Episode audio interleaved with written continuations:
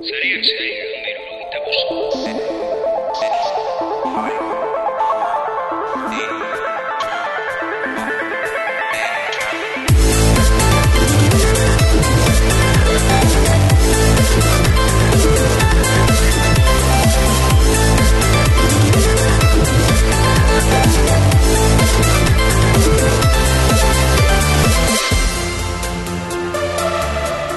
Galdetuko bazen idate azken urteetan parte hartu ditugun ekitaldien artean zein den ba, estimu bereziarekin e, gogoratzen dudan bat, ba, ziurrenik aipatuko e, nizueke mm, Trakin Bilbao, e, bueno, duela ja urte asko parte hartu genuen e, ekitaldi horretan zarean zearekin, Borja Tabiok ere saridun izan gara haien podcast e, txapelketan, eta gainera, e, Bueno, ba, haiek e, izan da e, interneteko gauzen festivala horrela definitzen dute haien ekitaldia, ba, podcastinari e, tarte oso berezia ematen e, diotelako. E, pasaren urtean eta aurrekoetan ere, ba, bueno, podcast neko kuriosak e, gogoratzen ditut e, egin direla Hor, eta suposatzen duzue, ba, sarrera hau izango dela, aurtengo edizioa aipatzeko eta komentatzeko. Aurtengo edizioa izango da, azaroaren hogeita irutik, hogeita sortzira, e, lau egoitzetan ospatuko da, izango direna sala bebeka, e, bilborrok, e, joker liburu den da, eta anti liburu den da, eta haien artean, ba, podcast nahiko, nahiko interesgarri prestatu dituzte. Adibidez simpatia por la industria musical deitzen dena Roberto Moso elkarrizketatuko e, dutena. Irratian ere diarduen pertsona eta ba, bueno, e, pertsonarki ere ba, nahiko simpatikoa dena, sorginkeria irratia ere izango dute e, Reinas del, del Grito e, bideo podcast bat egingo dute baita e, komentatzen pelikula dela El Fantasma del Paraíso Brian De Palmakoa. E, bueno, gehiago geratzen zezkita ipatzeko bata izango litzateke benetan sabiz Euskal Pod 2008an egon e, zirenak eta gainera euskarazko podcasta dena ITB podcast e, plataforman e, sartuta eta orain uste du gaztean ere dauzela. Eta e, baita ere e, kuan zouren movidas varias en fin, gustu guztietarako podcastak baita ere e, bideojokoi buruzko gauzak antolatuko dituzte e, adibidez e, arkade vintage e, erakusketaren estreinaldia egingo dute tailerrak e, kasu honetan salabekan baita ere kontzertuak bideojokoi buruzko e, bueno, be, musika gaiekin oso interesgarria egongo da orokorrean ekitalde guztia eta gomendatzen dizuet benetan, hogeita irutik hogeita sortzira e, ikustea zer daukaten prest e, Tracking Bilbao amaikagarren edizio honetan informazio guztia trackingbilbao.com webunean daukazue.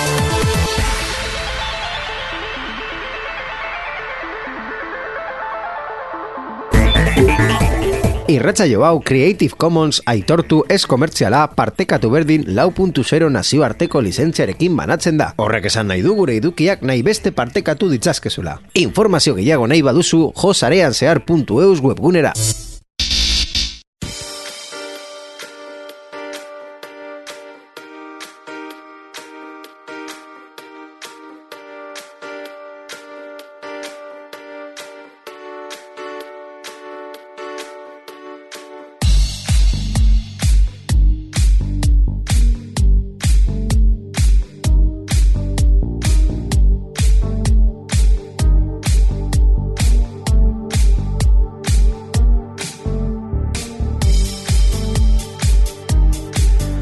Zarean zare irureun eta irurogeita bost eh, honetan, begira Office bezala irureun, bueno, orain Microsoft irureun eta irurogeita bost eh, honetan berrien atala orain hasten da eta beti bezala berrien atal honetan bere iritziak eta orokorrean e, bueno, azken e, berriak komentatzeko daukagu Borja Arbosa, arratzaldeon Borja. Arratxalde honiko. E, bueno, betikoa, bueno, aparte zen moduz astea eta bar, eta bar, e, baina, bueno, supos- suposatzen dut ja, e, em, azaroko aste erdi normal bat izan denez, bueno, ah, gauza, begira, gogoratu, gauza batetaz gogoratu naiz. Bai? Nire, e, nire, ah, Urte betetzea zorionak, nire urte betetzea urte zorionak. Eh, nire urte betetzea izan zen, eta nire urte betetzean geratu ginean, gogoratzen Aha. duzu geratu gineala taberna bate, bueno, taberna batean bukatu, bu- bukatu ginean, eta ez zenidan urte betetzea zoriondu. Bai, ni e, egon nintzen zurekin zure Bai. betetze egunean. Bai, bai, bai, bai, zure bulegoan, eta gero Bilboko taberna batean, eta ez zenidan urte betetzea zoriondu. Eta ez dizut, inoiz, Ziurrenik ez. barkatuko. Eh, Bueno, Hori ez da guzti segia. Eh, se, se. Ba, barkatuko ez duzula. Ah, bueno, osea, bai, bai, eh, hori ez da egia, osea, hau dra, drama txorra da. Eh, bai, horrela izan da nire astea, ni, aste oso, bueno, eh, eh, ama egun hauek, bueno, ama piko egun hauek pasa diren dirara nire urte betetzetik pentsatuz, ai, Borja, ez dit, ez dit zoriotu, ah, ze drama. Oso gaizki pasatu duzu. Bai, Ikusten, ikusten dugu, bai. es que, es que, berarpega izan da, eh, eh, Eh, Hori, hori izan da bere aurpegia. En fin, eh, bueno, horretaz aparte, eh, betikoa, ba, menu bat daukagu prest, eh, menu gaur nahiko motza, hau da, ez da menu ejecutivo, da más bien menu del día, ¿vale? Baina dena den menua daukagu hemen, ordun eh, platerak eh, aurkeztu aldizkizut, eta zu eh, erabaki. Egia da, Europako platera bagenukan baina ez dugula sartu. Orduan hori menuz kanpo dago. Hori ja karta izango litzateke, vale? Baina, baina printzipioz menuan daukagu eh, eh, adingabekoen zibersegurtasuna, Renfe, vale? A- adimen interfe... a- ai, oi, esango dut. Adimen artifizialeko eh, wearable berri bat, Adi Data Center eta Twitter. Bueno. Orduan zen nahi duzu horrela azteko. Ba, hasierako plater bezala uste dut e, itzegin aldugula gurasoen eta e, interneten erabilera arduratsua buruz doan Vale. e, berria. Vale, gainera nahiko interesgarria eh, komentatzen duelako eh, txosten batek gurasoen euneko laro bostek uste duela seme alabek ez dutela interneten erabilera arduratsua egiteko nahiko informazio. Ala, bai, Irurogeita mabost. Hiru- Esaten duzu larogeita mabost eta ez da egia. Sí, esan dut. dat, dat ir, larogeita mabost. Uste dut, ez, Ez da- ez da hirurogeita- Bueno, irurogeita bost, eruneko irurogeita bostek uste, du, iz- uste dutela. Ala dirazten du Kaspersky kurrian egin zuen online egotea aurrak eta gurasoak interneten txostenak zibertegurtasunaren Europako hilabetearen arira. Orain, e, gurasoek bere semealaben interneten egiten dutela uste duten erabilerari buruzko datuak ematen ditu, eta gurasoek eta semealabek interneten erabilera seguru eta arduratsuari buruz dagokionez lerrokatuta eh, joate, joatearen garrantzia azpimarratzen du. Beste datu batzuen artean, komentatu duguna, galdetutako gurasuek euneko irurogeita amabos koma bostek esan du hainbat aldiz itzein duela seme alabekin online munduko segurtasunari buruz, baina euneko handi batek, euneko konkretuki hogeita lau koma bostek aitortu du e, inoiz ez duela alakorik egin. Claro, beste portzentaiaren beste, beste laurdena. Hala, irutik lau eta besteak ez. Eh, horrela da. Are gehiago gurasoen euneko goita zeiak onartzen du ez duela nahikoa informaziorik seme alabei internet modu seguro eta arduratsuan nola erabili azart, azaltzeko eta euneko irurogeita magostek, osea, hau da, iru laurden eta laurden bat, bale? Uste ni, du ni esan dut alabek- irutik lau ez dela justo aldrebes. Bueno. Bueno. zu ta, ta biok gaude zenbakiekin pizka lautik iru, aldrebes. bai. Lautik iru. Eh, dena den, bueno, eh, eh, lautik iruk uste dute seme alabak ez daudela prestatuta edo ez dutela internet modu seguruan erabiltzeko behar adinako noziorik. Ba, esken finean, ba hori, eh, irutik lau eh, pentsatzen dute... Ez, lautik iru. lautik iru. Ia esan dut irutik lau eta zuk ia zen da hori segin. Begira, bat daramat, e, euskainol egiten, bueno, e, hau ja nire Bai, bizitzako bai, bai, bai. atalean kontatuko dut, baina eske, eske ez dakit ja se, se esaten Uste, uste dut, e, zuta bio ja esan, esan dugu e, Euskal Txaindian e, onartu behar dela mm, beste dialekto bat, Bai. ez da, Bizkaiera, Gipuzkora, e, e, e, Batua, i- i- i- iparraldeko e, Euskara, eta Euskainol. Eta, eta euskainola, bai, horrela da.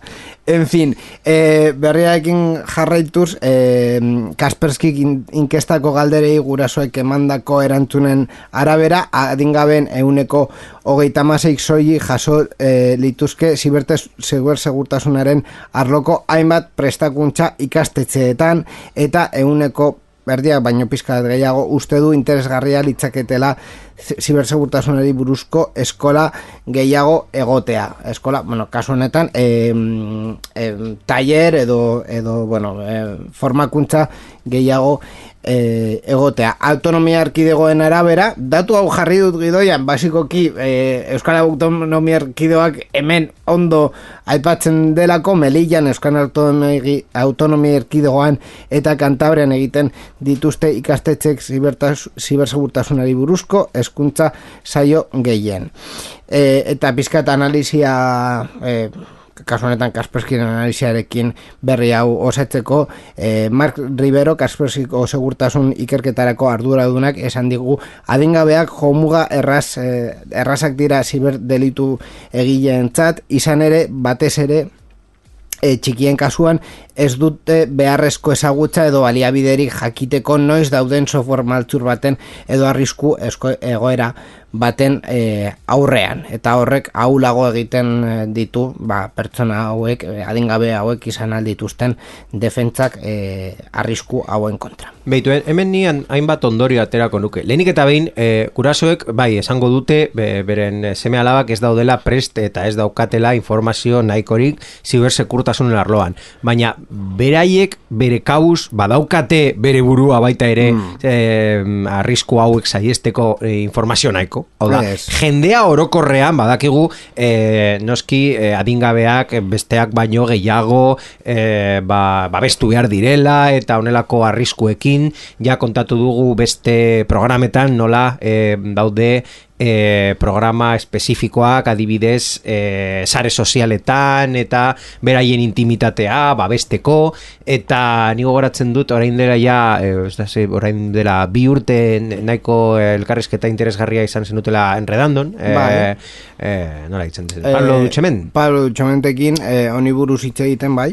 Eta, eta bueno, em, pertsona kasualki jarraitzen dut e, sare sozialetan eta Bai. kasua kontatzen Bueno, ditu non. kasualki, kasualki, apropos izango da zu jarraitzea sare Bueno, sozialetan. bai, Baina ni, ni, ni egia da- apropos, baina kasualitatea da ni beraien e, jarraitzaia, beraien jarraitzaia naizela eta horrelako historioa kontatzen kontatzen ditula, nola adingabeek pentsatzen dute gainera e, gauza sekurua bezala kudeatzen dutela eta ez da. Mm, no- Normalean hori arriskutsuena da, ez gauzak ez jakitea, naizek eta zu pentsatzea jakiten duzula, baina e, justu dela e, gauza kontrakoa. Azken filan arrisku hori esan tematea eta ez, ez, ez ikustea e, interakzio bat interneten edo e, e, e, bueno, e, izketaldi bat pertsona Bai. bat ez duzun ez- ez acosoa, duzun pederastia, horrelako- ba, ba hori, e, arriskutsu izan izan leke ez, ja, ez bakarrik pederastia ziberbullyinga eta bar e, estafak ere, osea, Bai. pertsona horrek e, bapatean mm, diru eskatzen dizu, esaten dizulako e, bere gurasoekin e, liskar bat izan duela, orduan ez diote paga eman, a ber, e, e, bizum egiten aldiazun hogei eurokoa, jo que se, eta, Bai. eta hogei euro desagertu, hogei euroiek desagertu, dira. E, a ber, kasu hori adin gehiago daukan pertsonentzat baita ere balio du. Hau da, Claro. hor- horrelako gauzak baita ere gertatzen zaio Claro. nire amari edo nire amonari edo Claro, baina azken, azken finan eta guztio gertatu. al- Berberintasuna da adingabeak ju- juten direla ikastolara. Claro, baina adinga, daukazu. adingabeak gainera, eske ba, batetik ez daukate eh, ba, ardura legalik, baina bestetik eske ez daukate e, erramintarik, osea, zure kasuan ed- edo nirean edo e, zure amaren kasuan, jarriko dugu, em, e, erramintak e, badauzkate, baina kasu batzutan konfinatzen dira, edo ez dute seinaleak ikusten, edo guztioi mm. gertal zaigu e, estafa batean e, geistea. Baina e, gainera eske adingabekoek ez, ez, ez, du, ez dakiten hola den mundua. Eta e, Bai. ezin diegu mundua sartu horra apinon fijo. Orduan, e, mm, babestu, horretatik babestu behar diegu. Inf, e, informe txosten honetan, ere komentatzen da zenbat e, ordu ematen dituzten adingabek sare sozialetan burrada bat dela, eta E. YouTubeen eta bar. Hortik doan nire bigarren ondorio bat, kasualitatez baita ere, aste honetan irakurri dut berri nahiko interesgarri bat, esaten duela, ia e, berro e, laro gehi, ez dakit zenbat mila pertsona baino gehiagok egin dutela, e, amasei urte bete aurretik telefono mugikorra erabiltzea debekatzeko lege bat, onartzea, eska, e, eskaera bat, e, adin horretan amaitzen dela mm, dakigunez derrigorrezko bigarren hezkuntza eta ja ba, aditu gehienek heldutasun aldaketa bat esleitzen duten erabengan. Eta e, eskaera hori uste dut e, change.org plataforman e, heldu dela eta berrogei mila uste dut e, firmetan dago eta eskatu ja da ofizialki egitea lege bat non ezin dutela amasei urte arte mugikor bat izan, beitu. Hombre, eh, Agian beste lege- extremo ban, batean Claro, dago. Es que, es que beste... eh, eh, Baina ez izateatik izateara eta erabiltzeara intensiboki erdizka puntu bat dago? Kla, bai, badago, badago. Osea, lehenik eta behin, e, em, adinari buruz, e, proposatzen dute amasi urtetan jartzea adin hori. Eta amasei arte, mm, zero patatea. Niretzat pertsonalki amasei urte gehiegi dira, be- Mhm. batez ere amabi eta amasei urte artetan e, ba, adolescentzia gertatzen delako, baina nire bat asuna hobeto esan da. E, baina e, hortik aurrera, edo momentu horietan ere e, adingabeek experimentatzen dutela nola den mundua. Orduan, e, mugikor eta bere independentzia behar dute eta e, etxetik e, ateratzeko eta orduan, e, etxe, adibidez, e, simil bat edo eredu bat jartzearren etxeko e, etxeko ai, joder etxeko kiz giltzak, etxeko, Giltzak. etxeko giltzak. Ematen badiogu e, e, nerabe bati e, a- ez dakit am, amairu, amalau urtekin zeratik ez diogu emango mugikorra. Kontua izango litzateke niretzat parte batetik e, eskoletan guztiz debekatuta egotea mugikor pertsonala, hau da, teknologiarekin e, mm, e, eskuntza erramintaren bat garatu nahi bada izan beharko da, edo izan beharko litzateke nire, nire iritziz, e, eskoleko errame- erramintekin, hau da, limite eta, eta bueno, e, azkenean blokeo batzuk dauzkan erraminta batetin, gai- batekin, gaiu batekin, eta bestetik, e, Bai, horrela izan beharko da zeren bestela e, maitxuak eta andereño polizia bezala eta bihurtzen Claro. dituzu. Ez que ni e, derrigorrezko bigarren eskuntzan nengoenean, eta Claro. ja mm, denbora pilo bat pasada, zoritxarrez. pillo, abre, pillo. Ni bat, pillo bat. gogoratzen dut, gogoratzen dut jadanik neurri hori sartzen hasten zirela. Claro. Hortiko naino, ez, neurria hor jartzen du, mm, lege bat bezala hor idatzita dago, baina Claro. betetzen da? Hori, izango litzateke beste kontua. Eta bestetik, familietan eta eta etxean, e, mugikorra ematea, baina e, arauekin ematea mugikor hori eta arau, a, arau hoiek betearaztea. Ez bakarrik betetzea nera beren partean, baizik eta betearaztea ere.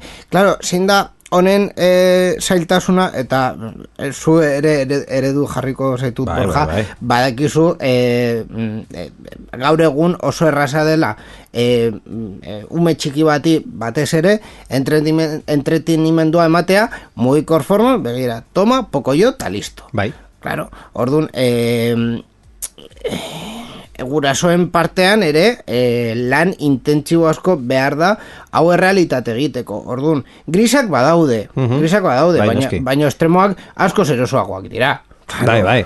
Hau da, Osea, e, estatuak jartzen badu lege bat esateko eske amasei urtetik behera ezin duzu mugikorrik erabili. E, eske gainera kasuak eta kasuak egon, egon daitezke, igual pertsona batek ama urterekin e, mugikorra izan dezake, eta erabilera super erduratxo egiten du bere mugikorregaz, eta gainera behar du mugikorra bere gurasoekin kontaktuan jarraitzeko. A, Eta, ni- nire proposamen hau atentzio dei bat baino gehiago ikusten dut ni. Hau da, nik ez dut uste hau egingo denik, mm, eh, ez, ez dut uste gainera eh, estatuak kompetentzia mm, daukala horrelako neurri bat esartzeko eta gero esartzen badu nor da polizia zure etxean ikusteko zenbat eh, erabiltzen duzun mugikorra. la doktrina korkuera, amigo. Ah, ba- bai, bai, guztiz. Patador en la puerta, nor dauka mugikorra hemen. Bai, bai, que to, tontakeri bat da. que a- dauka sentido. proposamen bezala simboliko, proposamen simboliko bat bezala aurkeztu alduzu jentea pa, pizka kontzientzia hartzeko eta ikusteko, eze nolako erabilera egiten dituzten nerabeak, bere mugikorrekin, zenbat eh, pertsona daukaten eh, baita ere uste dut atera dituztela estatistikak. Amar urtetik aurrera ja euneko hogeia dauka mugikorra, amaika urtekin ja ia berrogeita, berrogeia, eh, amabi, amairu ja urtekin em, o- laurogei, hau da, ja, gehienak Bai. amairu amala urtekin daukate bere lehenengo mugikorra. Eta gero ez bakarrik izan, izan, izan alduzula, baina zenbat denbora usten dizute. Ni, ni horrelako adina neukanean ez zegoen mugikorrerik eta bakarrik zegoen ordenagailua eta ordenagailua erabiltzeko orduak zituen. Claro. E, bueno, eta ez Bueno, internet. bueno e, e, nire etxean ordenagailua e, erabiltzeko, lehenengo momentutan, nire e, ordenagailua erabiltzeko ordua es, en, en singular zegoen. Badekizu zein zen ordua, eske gainera gogoratzen naiz, pero Eta ordenagailua ez zegoen zure eh, logelan. ordenagailua- Egon gelan zegoen. E, ordenagailua egon geran zegoen. Eta familia guztia erabiltzen zuen. Eta Zura ordena- Eta. Eta, eh, bueno, e, gara, e, bilatkatu gara e, ba, bapatean en, e, un poco, e, esango dut, en, en, en viejos pellejos. Ai, que nire, nire eran. Bueno, Bueno. dena den, e, ba- baina badakizu zein zen e, nire etxean ordenagailua erabiltzeko ordua bakarra. Mhm. Euskaltel duela urte asko Ah, bai. asko baseukan la hora, la hora gratis de internet arratzaldeko zazpietatik sortzietara eta nire etxean ni internet erabiltzen zen zazpietatik sortzietara punto final y se acabó. Ni, ni gogoratzen dut zela eh, Eh, modem bidez, eh? Cincu- A 56K, ojo, eh? Ni, ni- nire kasuan eske ez, da, ez zegoen internet bestelako orduetan. Uste dut zela eh, arratsaldeko sortzietik tetik goizeko sortzietara, hau da, ja por la tarde, mu tarde, eta, eta asteburuan. Eta bestelako orduetan ez, que zegoen internet, ezin zenun konektatu. Baino arazo teknikoak zire. Ez, tali, tarifa, horrela, Tarifa, horrela, horrela, horrelako tarifa kobratzen zuten, eta zu, internet zeukan, e, ba, e, astebetean, Gauez? ba, bakarrik gauez, eta asteburuan hogeita lau ordu. Joder. Orduan, ez zenuen erabili sortziak heldu arte, eta zu, or, ordua kontrolatzen zenuen pentsaten, eh? Am- am- Amabos minutu geratzen dira, eta guztietan, a ver, ordenagailua erabili zenuen, ezin zenuena da internetera Internetera konektatu. Orduan, bueno, Bai, bai. horrelako restrikzioak, ba, jarri aldituz, ba, kontrol parental existitzen da. Hau, Claro. Naiz eta zu, ez egon polizia bat bezala, hogeita lau ordu, zazpi egun guztiak e, urtero, e, egin aldezu, mm, bueno, bai, agian pizka bat e, jakintza behar duzu nola funtzionatzen duen gaiu teknologikoa, nola funtzionatzen duen telebista, nola funtzionatzen duen tablet, Eh, edo txo, mugikorra. gazeta gunea. existitzen da, orduan. Erramintak daude gaur hori jakiteko. nahi baduzu egin, aldezu egin, bakarrik egin, egin behar duzuen bakarra da ikerketa. Bai, bai. Eta frogak. Baina, Bai, bueno, bai. ikerketa eta frogak. Eta ni pentsatu dut, noski, oraindik margen pizka daukat, ni- nire, nire alaba bakarrik urte terdi dauka, baina mm, sei, sortzi, amar urte dauzkan, dauzkan momentuan, ni pentsatzen ari naiz zer egin eta zer esan, eh, bere nitzeak hor agertzen direnean, eske eh, Pepito tiene móvil. Ez que nire klasean guztiok daukate mugikorra. Ah, eta ja, ni mugikor da, ni mugikor bat nahi dut. Mm, mm, eh, Lehenik eta behin, eta, et, eta ez dut uste hori eh, nahiko mm, berandu etorriko denik, zen ja, kontatuko dizut intimitate guztiarekin, Hmm. nire alaba hartzen duela, nire mugikorra, eta esaten duela, bai, Baina, Bueno, si, si, si... Baina egiten du... Ni, ni, ni ikusten dagoelako, hau da, ikusten dau, et, telefonoarekin, eta telefona deitzen didatela, eta, si, bueno, eta, eta hartzen du, al, alduen momentuan hartzen du, eta bai,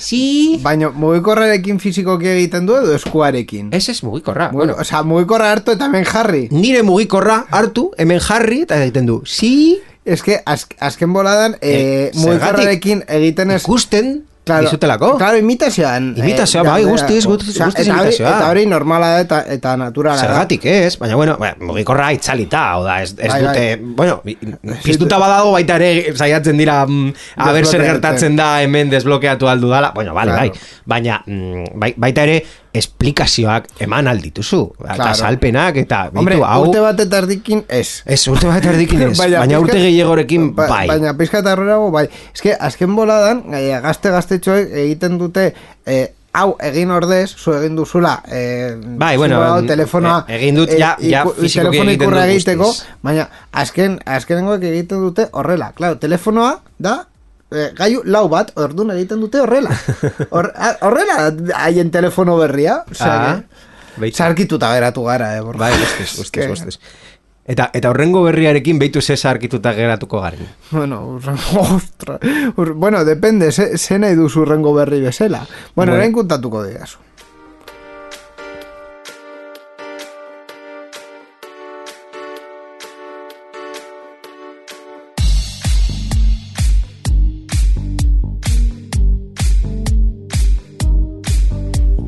Bueno, menuan daukagun orduan e, urrengo platerra zein... Lehenengo platerra, e, ba, itse egingo dugu AI pin, e, gaiu berri bat, mugikorrak Ai. ja alde batera utziko dituen gailua. Bueno, eh, hori da teoria. Eh, badakigun bakarra Ez dela... teoria ez, gailua presentatu da, aurkeztu Bai, bai. da, eta bere presioarekin, eta... Bai, bai, badakigun bakarra gauzasko badakizkigu, baina printzipioz agertu da hemen startup bat deitzen dela Humane Mhm. edo Humane, uh zuen bezala, eta aurkeztu dute AI pin deitzen den gailu batek arropari edo gainazka edo, ai, gainaz, gaina, gainazalei magnetikoki atxikitzen zaion eh, adimen artifizialeko gailu haien esan duten bezala, iraultzaile eta mugikorra.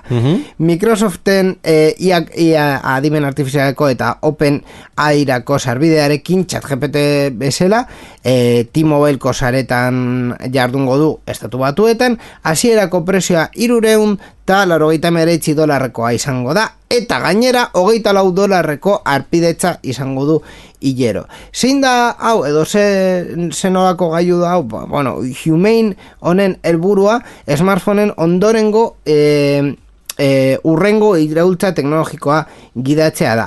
iPin gailu honek ez dauka pantailarik eta bakarrik e, out komandoetan oinarritzen da. Naiz eta eskuan e, informazioa erakusteko laser proiektore bat e, izan. Kargatzeko e, klip bateria bat e, du, Qualcomm Snapdragon prozesadorea ere, eta mugimendu sentsoreak erabiltzen ditu. Keinuen arteko e, interakzioak albidetzen ditu, oinarrizko aginduetarako ukipen panel bat du ere, eta smartphonetik independent independent independe independizatzea barkai eh? bidaltzen ide, eske esan nuen independiente izatea. Bilatzen eh, du. Eh, ad- adimen artifizialeko sistema ugari integratzea bi, eh, bilatzen eh, du ere itzulpenerako erikagaiak identifikatzeko adibidez edo eta ugalketa zerrendak e, sortzeko ere. E, bilatuko dugu iruditxo batzuk baita ere bideoan jartzeko nahiko kuriosa delako, baina basikoki haiek definitzen dute wearable bat bezala. Hau da, e, arropan eramaten duzun gailu bat e, bezala ez dela zure mugikorra, baina egia da gauza batzuk egiteko e, eskua aurrean jartzen diozu, rollo, ba, distantza honetara, ba, bideoan e, ba, bai, bi, bi palmotara gutxi gora bera, liburu bat bezala, e, osea, eskuan liburu bat izango bazina bezala, eta eskuan proiektatzen ditu gauzak e, interfaz e, bezala. Mhm. Eta mm, gauza bat gehiago kontatu beharko dugu Norden Humane, zu esan duzu startup bat, baina startup Eh, bat ez dela Ke saltzaileak dira? Kesaltzaileak, baina zu ezagutu aldituzun kesaltzaileak, startup horrek berreun langile baino gehiago ditu, eta horietatik eren bat gutxi gora bera apeleko langile hoiak dira. Eta e, beren finantzaketa errondetan berreun da hogeita mar milioi dolar, orain arte egin ditu hiru finantzaketa txandetan, azkena, eun milioi dolarrekoa Microsoftek eta baita ere Sam Altman OpenAIko CEO-ak parte egin dute. Orduan, hau, e, bueno, mm, egi- egia da porrot bat izan aldera Google Glass bezalakoak, adibidez, e, ai, Bueno. aipatzeko bat, eta eta hori guzti, baina ez da guztiz tontakeri bat. Bueno, ez dela guztiz tontakeria baita ere e, denborak izan beharko du. Baina, bueno, Bai, bueno. E, a ber, printzipioz kontzeptu interesgarri izan leike Mhm. E, ai, ez, ez daukat oso, ez daukat oso argi, batez ere, e, a ber, Agian asmo handiko kontzeptu bat esatea da eh, Bai. Steve Jobsekin eta 2000 eta zazpian egin zuen aurkezpenarekin konparatzea. Hau da, hau iPhone berria izango da. Edo iPhone mm, en lekuan jarriko duzun eske- eh, revoluzio teknologiko bat. Ez que bai, hori, hori esatea niretzat gehiegi eh, Bai. esatea da. Orduan, e, gaio kuriosoa izan leike, Mhm. bai, baino Google Glassen en mailan, gutxi gora bera. Bueno, gutxi gora bera, hor ni hor kokatuko nuke. Ai, por cierto, eh, gauza bat kon, eh, publikoki be- kon, bere, kontatuko bere dut. prezioa kontatuko du? Bai, zeireun ta, laro meretzi euro, bueno, dolar, Dolar. kasu honetan, eta gainera hogeita lau dolarreko arpidetza funtzionatzeko. Mhm. Orduan, eh, ez Mugikor gordo batetik konparatuta ez da inbeste. Ja, baina arpidetza, eh, eh, baina arpidetza, zer, Bueno, amigo. Hogeita lau dolar mila betero, berrunta iruro urtero, ja zazpideun Bai. jarri dituzu, bederatziron, oraindik iPhone berritik, mm, Hiru urtetan amortizatzen duzu iPhone berria. Eh, lau, urtetan. bost, bueno, bueno, ikusiko... En fin. Eh, por cierto, gauza bat publikoki kontatuko dut, eh, azken egunetan nire kutxetan bilatzen eta bar, topatu dut, zu gogaratuko duzu, eh, duela urte asko, hortik eh, argazkiren bat eta bar, eta bai, argazkiren bat badago, bideoak ez, ez, ez dut ditu gogoratzen, baina argazkiak bai. Mhm. eh, Duela urte asko 2004 eta 2005 uste dut e, joan ginen e, bi aldiz e, bata urte bakoitzean e, bime, bimekin batera egiten Bai, zen bime Hack hack Day. day, Mhm. ekitaldira bime bai. hack day horretan e, Argazkiak dauzkatu indik... Eh, Bai, hortik, hortik daude. Ba, Bime Hack Day horretan lehenengo, lehenengo urtean, gu, Mhm. gu joan ginen lehenengo urtean, Bai. e, hortik e, enpresa batzuk zeuden, ba, itzaldiak egiten eta bar, eta haien artean e, hartu nituen ba, e, bizita txartel batzuk, hoien artean bata zegoen, nahiko deigarri egin e, zitzaidana, e, txartel horiek berreskuratzen, zela Apps for Glass enpresarena. Mhm. Apps for Glass gainera, bazen enpresa bat, e, momentu horretan lau egoitza zituena, Bai. lau egoitza, bata zegoen e, Bilbon bekeko, bueno, Barakaldon, bekeko dorrean, e, beste bat Madrilen, Londresen, Eta San Francisco. Ojo, cuidado, eh? O sea, ez da txorakiri bat.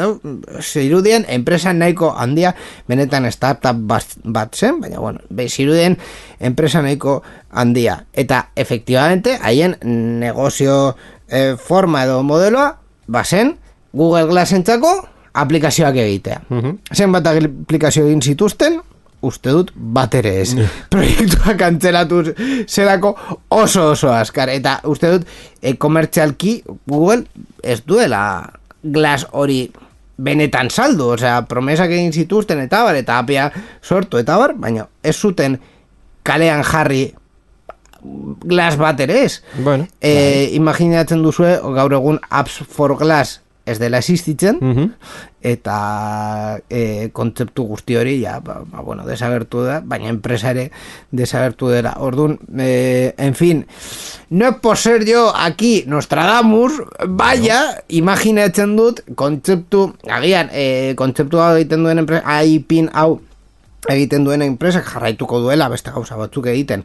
Eta ban, baino imaginatzen dut, honen e, arira doazten beste enpresa batzuk, Bueno, Blu- etorkizun kaskarra izango dute. Blu-ray existe, existitzeko DVD HD-a pikutara joan behar Ja, zen. bueno, baina hori Toshibak egin zuen HD DVD. Bueno, eh, de hecho, de hecho, suposatzen dut behin baino gehiagotan Mikel Carmonak hor kanpoan Eta, dagoena. eta, eta kontant- iPoda arrakasta izateko zun mm, pizkalako ostia sartu Bai, behar bai. izan zen. Eh, an, eh, kontatu nahi nizun anekdota. Hor kanpoan daukazu Mikel Carmona. Mikel Carmona joan zen, be, simo batean uste dut 2006an, 2006an, Toshifiesta deitzen zen ekitaldi batera, non aurkezten zuten HDV, pero vamos, con todo lujo de, de, de, de cosas, o sea, 2006an egit, ekitaldiak egiten ziren bezala, o sea, tremendo. Eta pikutara joan zen, Bai. o sea, que, en Orduan, fin. porro teknologikoa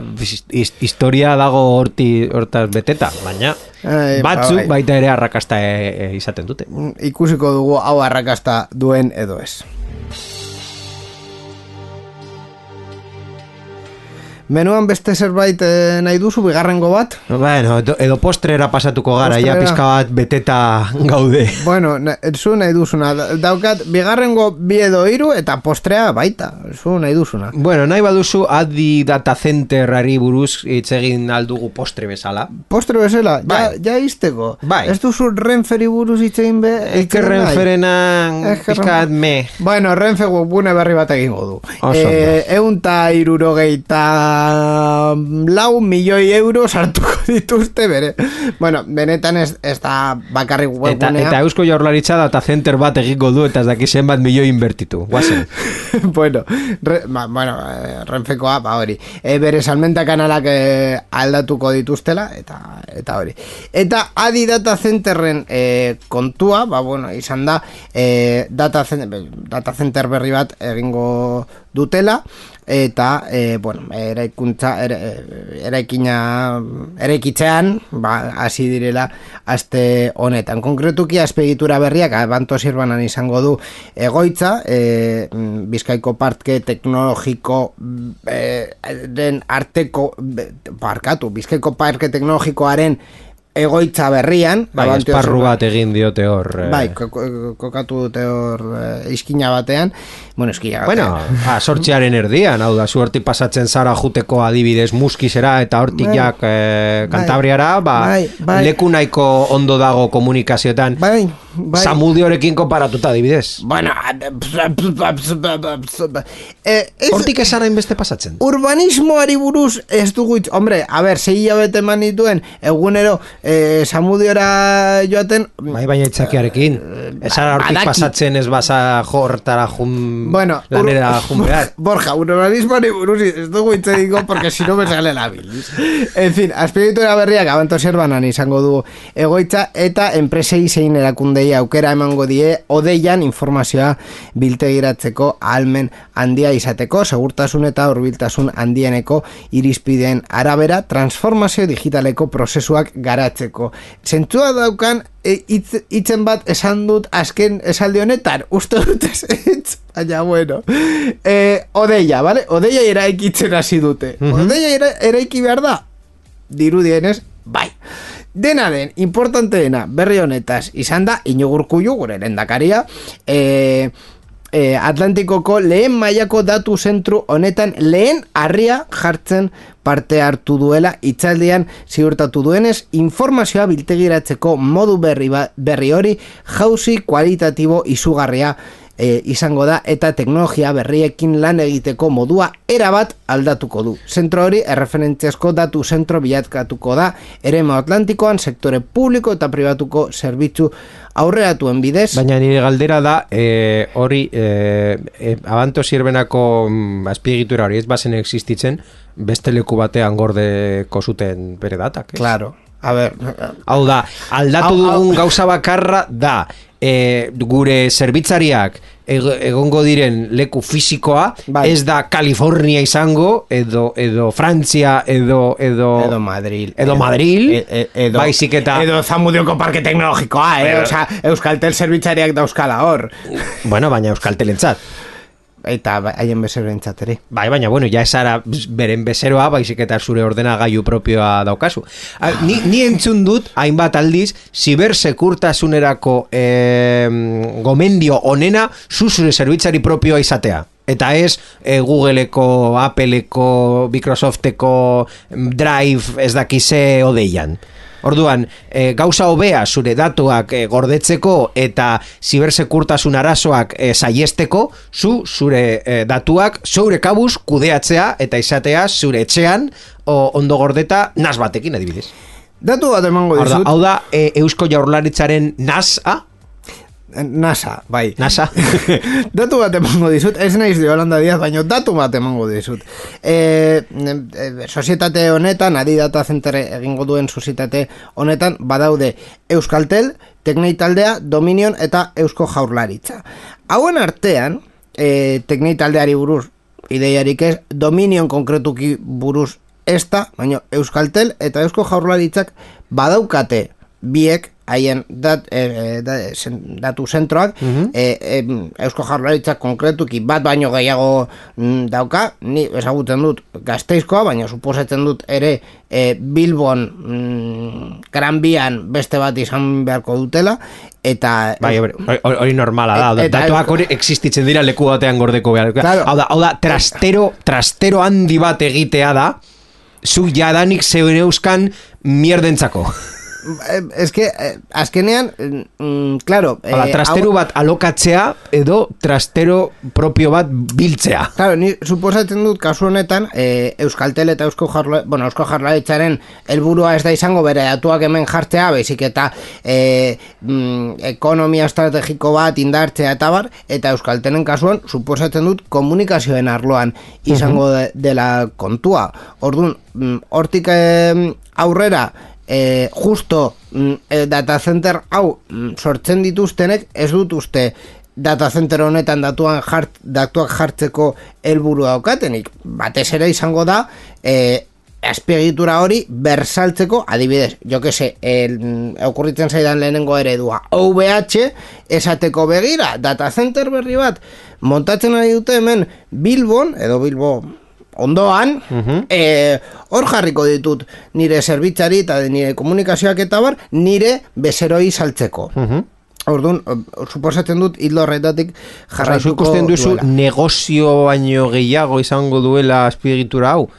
Nik, Osa, uste dut- Eusko Jaurlaritzan hemen sozietate honetan edo izango dena sartu bada, imaginatzen dut probetxo propio izateko edo izango da, ez? Pro, eh, propio, propio, ni pertsonalki ez dut ikusten. Osea, eh, ni dakidanez, eh, probetxo propio eusko jarlaritzarako, ez da inbeste izango. Eusko jarlaritzak ziurrenik hemen egongo da, e, proiektua bera indartzeko eta e, bueno, e, finantzak eta e, izateko. Eta Euskaltelen kasuan, ba hori komunikazioen e, arloan, suposatzen dut, hau, azke, hauen interesa izango dela, e, proiektu interesgarri eta puntero bat martxan jartzea, e, beste inbertsoreen dirua eta interesa hain ganatzeko.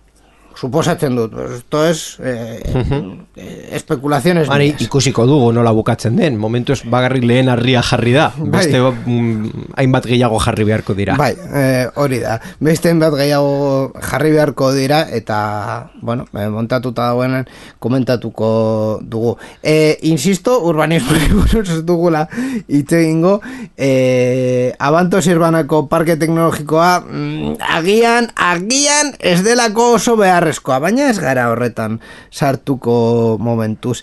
Eh, oin, beste platerrik ez, ba, ez nahi baduzu, eh, la cuenta eta bagoaz. Bai, bai, eskatu bakar, mesedez. Vale, bueno, kasu honetan ni emango dizut la cuenta, zu ordendu beharko duzu, barkatu, Borja. En fin, ba, oraino ordun berrien atalan, eskerrik asko Borja gurekin bat egoteagatik, eta urrengo programa arte. Bai, eskerrik asko inigo eta entzulo guztioi urrengo programa arte. Entzun berri duzunari buruz hitz egin nahi? Zure iritzia jakin nahi dugu, idatzi ezaguzu Twitterren gure erabiltzailea, sarean zehar da. Gure Twitcheko emanaldietan ere parte hartu eta zure iritzia eman dezakezu programa egiten dugun bitartean. twitch.tv barra sarean zehar. Gainera, zure ekitaldiaren edo ideiaren berri eman nahi baduzu, posta elektronikora idatz diezagukezu info abildua sarean zehar puntu eus. Sarean zehar, zure mezuen zain.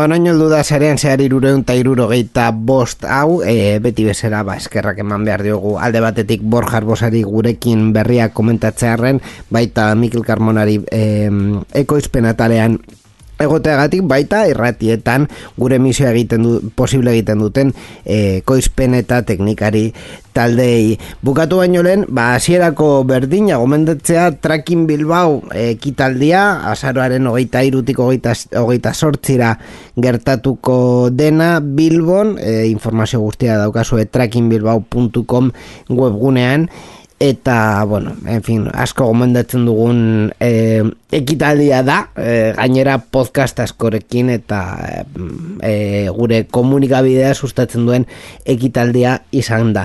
Gure partetik, ezer gehiago, bi aste barru berri zegoen gara zuekin teknologiari buruz hitz egiten, Uste dut programa gutxi bat edo bi geratzen zaizkigula urtea bukatu arte, beraz ja urtearen azken e, programetan gaude, e, baina lasai, e, 2008 lagoan jarraituko dugulako bitartean, e, bakizue Twitterren gaudela, bueno, mastodonen ere, baino batez ere Twitterren han zarean zehar eta gure webgunean zarean zehar.eus. Eskerrik asko saioa ontzutegatik eta horrengo arte, aio!